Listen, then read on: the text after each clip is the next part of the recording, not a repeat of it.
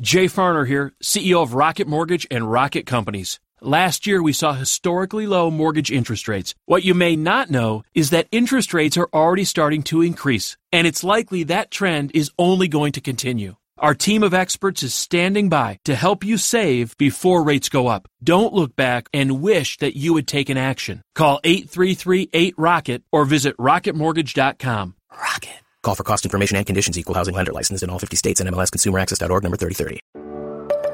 This is what matters most, and I'm Matt Popovits. Look, life is crazier than ever, and lots of people, maybe even you, are feeling anxious and overwhelmed. Today's message is designed to help you figure out what's most important and to experience the peace and joy that God intends for you. Because life is a gift, and it shouldn't be wasted on worry. I'd like to give you a resource, something to help you navigate the road ahead. Just go to mattpopovits.com, click on the icon, and we'll send it to you. That's Matt, P-O-P-O-V-I-T-S dot com. And hey, if you happen to live in the Houston area, I'd love to see you on a Sunday morning at St. Mark in Spring Branch. Head to stmarkhouston.org to plan your visit. Here's today's message. Thanks for listening. In this series, we're going to look at how the gospel of Jesus changes our approach to the most important relationships that we have. And so tonight, we're going to start with, with a relationship that, for many people, sits at the center of their home. Uh, we're going to look at how the gospel of Jesus resets our understanding of marriage. Marriage, with, it's needless to say, is beautiful, but it's not easy. Any serious or significant relationship brings both beauty and burden. And marriage, of course, is no different. Many of the newlyweds that, that I work with as a pastor, and I get the opportunity to work with a lot of newly married couples. In fact, I officiated two weddings this weekend.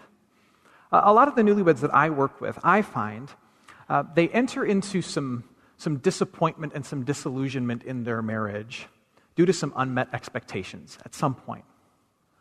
At some point, there's some disillusionment and there's some disappointment that emerges in their marriage because there's some unmet expectations. And unmet expectations are inevitable in every relationship, but in particular in marriage. Uh, there's a lot of reasons that expectations go unmet, but I just want to give you two of them. The first is that we tend to idealize our understanding of marriage. We get really excited about it. We find a person that we can't live without. We're so excited about them, we want to become legally bound to them. And so we idealize this relationship that we're going to have with them. And when you idealize something, you, you downplay the troubles. We're going to be the exception to the rule. You overemphasize the perks. And then you get surprised by reality. And reality eventually hits in every relationship. And it hits in marriage too. Marriage eventually goes from exciting and new to mundane and everyday. You know, before you're married, saying, let's watch Netflix means let's cuddle on the couch and watch the notebook and talk about how this is really the story of our relationship. And then after a while, after you've been married, let's watch Netflix means I know you're still folding laundry in the other room, but I'm going to press play on this World War II documentary because whether you're done with the laundry or not, I really, really want to watch it. That's kind of what it becomes. Reality sets in. And there's some disappointment and some disillusionment, and there's some unmet expectations. It happens.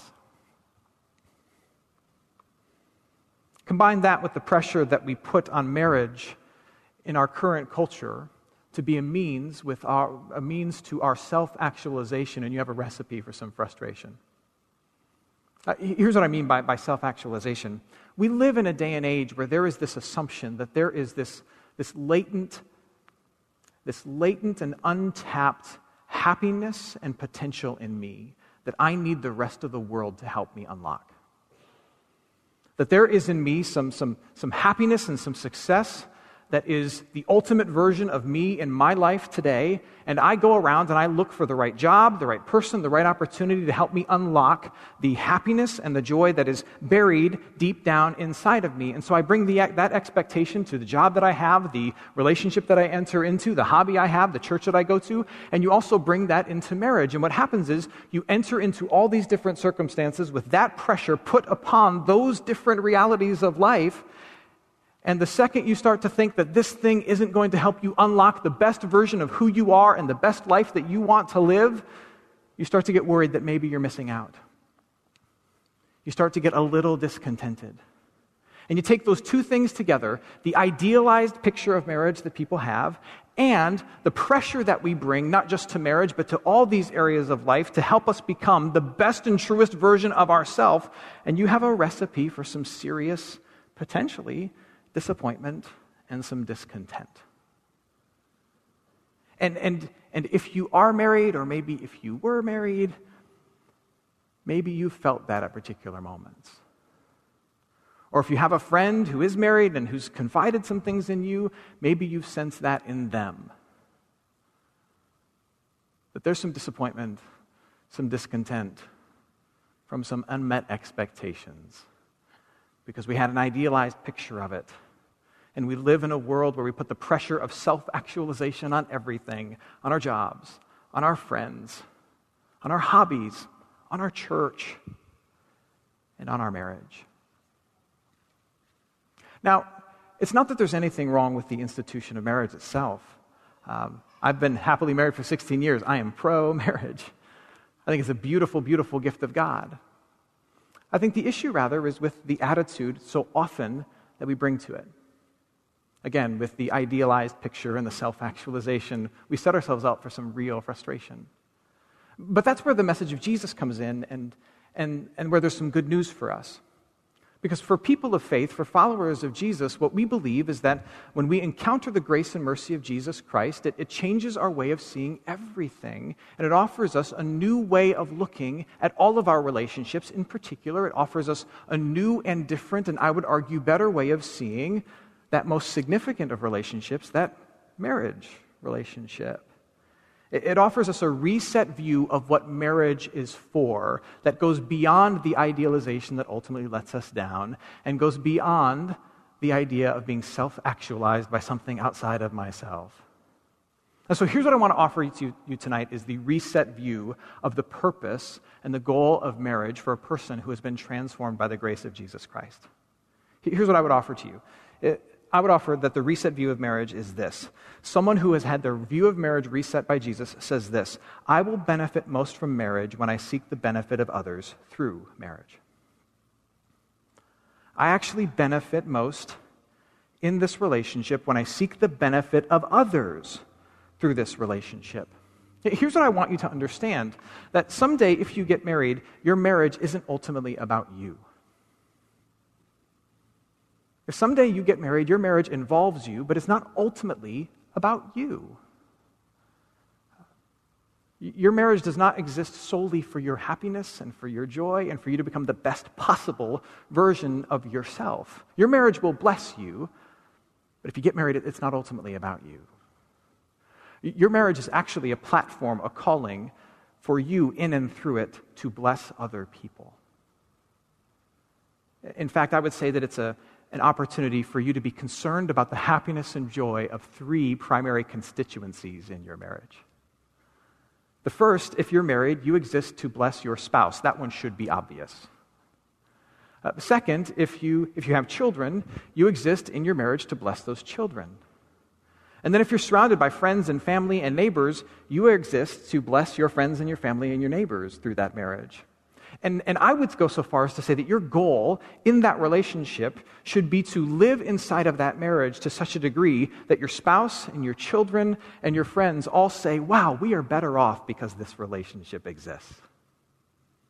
Your, your marriage ultimately doesn't exist for you and you alone. Your marriage exists as an opportunity for you to bless other people. Now, you might be thinking and saying, Matt, I, I thought marriage was about love.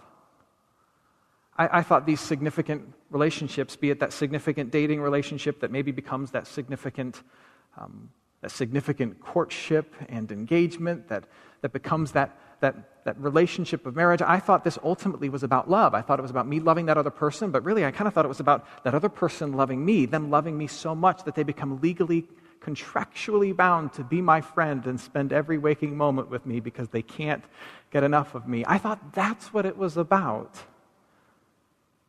And I would say it is ultimately about love. And for people of faith, all of life is about love. That's a big part of the Christian worldview. If, if, you're here as a person of faith, or if you're just kind of peering over the fence and, and wondering about people of faith, one of the things you need to know is that if you ask Jesus, what is life all about?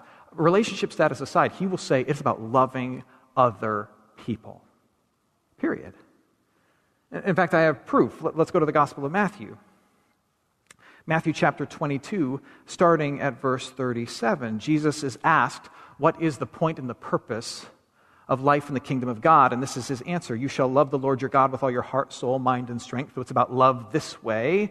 This is the great and first commandment, but there's a close second. Jesus says, You shall love your neighbor as yourself. So all of life for Jesus is about love this way and love this way. But keep in mind, for followers of Jesus, there is a very particular definition of what love is. So let's read more. John chapter 13, verse 34. We heard this a little while ago. Jesus says, A new commandment I give you that you love one another. There's that word again. Now he defines the kind of love that he commands. Just as I have loved you, you also are to love one another. Ephesians 5, verses 1 through 2. Therefore, be imitators of God as beloved children. Do what we see God doing. What do we see God doing? And walk in love. What kind of love? as Christ loved us and gave himself up for us, a fragrant offering and sacrifice to God. For Christians, life is about love of other people. It's about love of neighbor. Jesus says it over and over and over again. Every vocation, every relationship, every calling is about loving the other person. Now, when Jesus says love, what does he mean? Is he talking about sex? No. Is he talking about romance? No. Is he talking about matching monogram towels? No. Is he talking about having the perfect hashtag for your wedding? Happily ever Anderson. It's cute, but no. Those are ways in which we express love, ways in which we nurture love, ways in which we show love, but for a person of faith, that's not the essence of love. What is the essence of love? Jesus says it's about loving your neighbor. How? As I have loved you. How does Jesus love you? By pursuing your joy at the cost of himself. That's love. You are to love your neighbor by pursuing their joy at the great cost to yourself. That is life for a Christian, regardless of your relationship status. That is love for a Christian in every relationship. And of course, then, that is marriage. Pursuing the joy of the other person at great cost to yourself. But this is not easy. And, and here's where the risk thing comes in because, because what if they don't love you the same way back? It can happen. Uh, what, what if the depth of your sacrifice for their joy is not reciprocated by them to you? Uh, what if they take your vulnerability and your sacrifice and your openness, and what if they take it for granted? I mean, I mean that happens. I mean, this kind of love is extremely demanding. To love a neighbor with that proximity, that close, for that long, that is really hard. And it's also really risky. So, why in the world would anybody do it? Here's why because it's worth it. I hope you're enjoying today's message. For more of what matters most, you can head to mattpopovits.com. There you'll find other messages. You can support this ministry as well as access your free gift. Oh, and if you're looking for a local church and you live in Houston, come and see what's happening at St. Mark Houston. To plan your visit, head to stmarkhouston.org. Thanks for listening, and back to today's message. It's, it's beautiful, it's good, it brings tremendous blessing. Yes, it's hard and it's risky, but it's worth it. Uh, look with me at the book of Hebrews in the New Testament. Hebrews chapter 12 says this. The writer of Hebrews says, Let us run with endurance the race that is set before us. What is the race set before us? Love God, love other people. Spouses, friends, kids, love God, love other people, like he has loved us, looking to Jesus, the founder and perfecter of our faith. Here's the key part for tonight who, for the joy that was set before him, endured the cross, despising the shame. What was the motivation for Jesus to go to the cross? To stay tacked on that piece of wood, bleeding and dying? for him to endure that immense difficulty, what was the motivation for Jesus to go to the cross and sacrifice himself for the world? According to the writer of Hebrews, the motivation for Jesus to head to that cross and to pour his life out in such difficult love, the motivation for Jesus to go to that cross was the joy that was set before him the joy of knowing that in enduring that sacrifice and that pain, you were going to be covered with forgiveness and mercy and grace in your baptism. And the idea of that happening brought Jesus joy. He knew that in the end, when he saw you covered in forgiveness that he earned through his death, that that would bring him joy. When he saw you marked as forgiven and not as rejected because he endured the cross and despised its shame, that brought him joy. The joy of knowing that blessing you would lead to an overwhelming joy in him kept him pouring out his life in love. Would some people reject his life of love? Yes. Would some people despise his life of love? Yes. On a daily basis for people of faith, do we take advantage of the love that he's given to us? Yes. But he looked at all that and said, it is still worth it. Now, I, ideally, this relationship works best when both people have that attitude. uh, the, the, the, marriage relationship works best, best when, when both neighbors see as their goal the joy of the other person at the expense of self. You see this in the book of Ephesians in the New Testament. In Ephesians chapter 5, Paul does some of the most explicit, explicit, teaching about marriage that we find in the scriptures. But before we get into the explicit marriage text, he writes this in chapter 5, verse 15 and verse 21. He says, Look carefully then how you walk, not as unwise, but as wise. Here's the key submitting to one another out of reverence for Christ. Uh, Paul's words on marriage are built on the assumption that you have two people who are seeking the joy of the other person at the cost of self. They are inspired at what Jesus has done for us, and they seek to model that and replicate that in their love for each other. They say, I will lose my life in pursuing your joy because there will ultimately be joy for me in that. And you have both people pursuing that and balancing each other with that. Uh, the art of marriage is, is a game of rushing to the back of the line. It is a desire to outserve the other person. It is not demanding to get your way that they serve you. You are pushing each other to get to the back of the line. I will serve you more than you serve me. No, I will serve you more than you serve me. That's the ideal. And very often in marriage, when a relationship goes, goes really south, goes really sideways, it is because one or both people at some point checked out of that dynamic. They gave up on the idea of pursuing the other person's joy at the expense of themselves. And instead, it turned into a give and take. And you, you, see this very often where someone says, Yeah, I know that they deserve A, B, and C. But you know, they have never done X, Y, and Z. Y- yes, I know that, that I should say this, but you know what? He never says this. Oh, I'll be there for that, but I, I do want to make sure that she is there for this.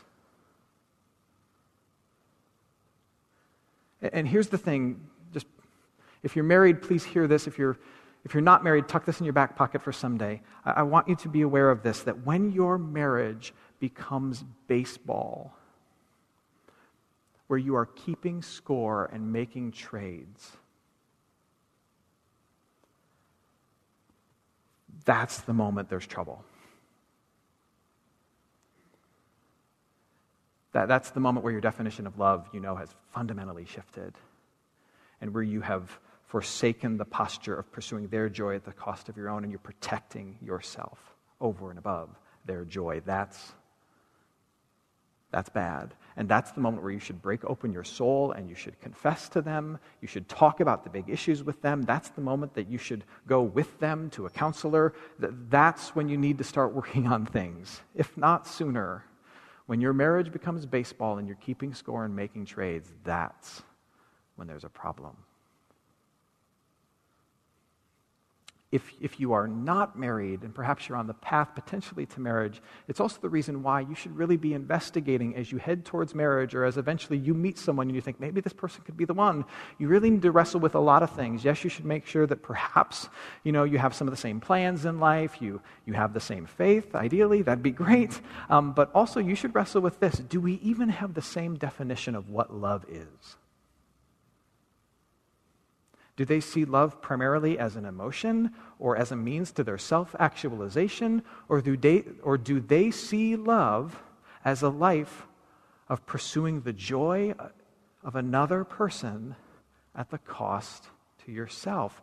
And if they don't, you have to address that. You have to talk about that. You have to ask yourself the question if we don't see love fundamentally the same way, inspired by Christ and what he's done for us, you have to ask yourself, should I marry this person? You really should wrestle with that. Because your definition of love defines the actions you take and the expectations you hold once you're married. Here's where you start.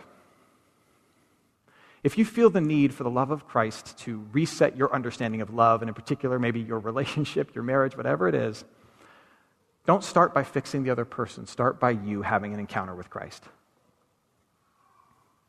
Don't start by going and trying to fix the thing or fix them. It's about you going and having an encounter with Christ.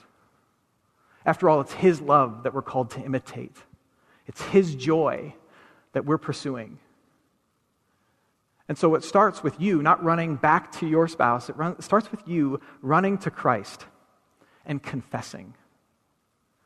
Not confessing how messed up they are, but running to Christ and confessing everything that's wrong with you. The mistakes you make, the sins you've committed, how difficult it must be to love you, all the ways in which you must anger God with the choices that you make relentlessly. Confess all the problems that you have. Confess all of that to Christ, and then listen as Christ responds to that by looking at you and saying, Despite all the difficulties and all the brokenness and all the sin, I still forgive you at great cost to myself. At the cost of my life on a cross, I have earned forgiveness for you. No matter what you tell me about yourself, this is Christ speaking, no matter what you tell me about yourself, you are forgiven. And that forgiveness has come at great cost to me and no cost at all to you. Confess who you are to Christ and let Christ say that to you. And then, as Christ says that to you, let that lift you up and send you to that relationship where your goal is to say the exact same thing to them. Your goal is to say to them what Christ has said to you.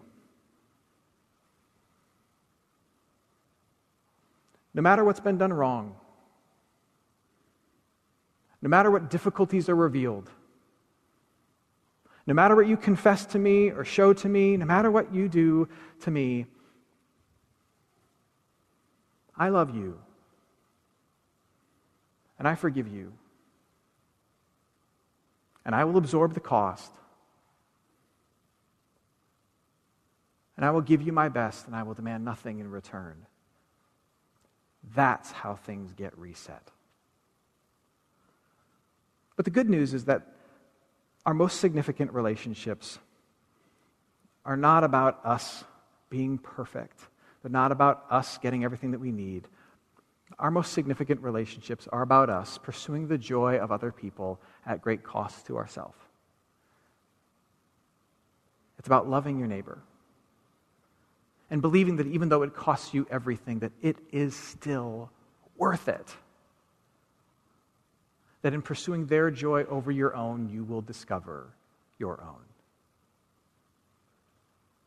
And that's a hard thing to believe. But don't take my word for it. We'll trust Jesus. Hey, it's Matt. I hope you enjoyed what matters most. Here's what I need you to know. Life is a gift, and it shouldn't be wasted on worry. I want to help you figure out what's most important and to experience the peace and joy that God intends for you. So, for more content, you can head to mattpopovits.com. That's Matt, P O P O V I T S.com. There, you can also support this ministry as well as access your free resource, a little something to help you navigate the road ahead. I'd also love to see you on a Sunday morning. If you're in the Houston area, head to stmarkhouston.org to plan your visit. In the meantime, hit me up on Instagram at mpopovits or at facebook.com slash Matt Popovits Ministries. Thanks for listening. Now go and hold tight to what matters most.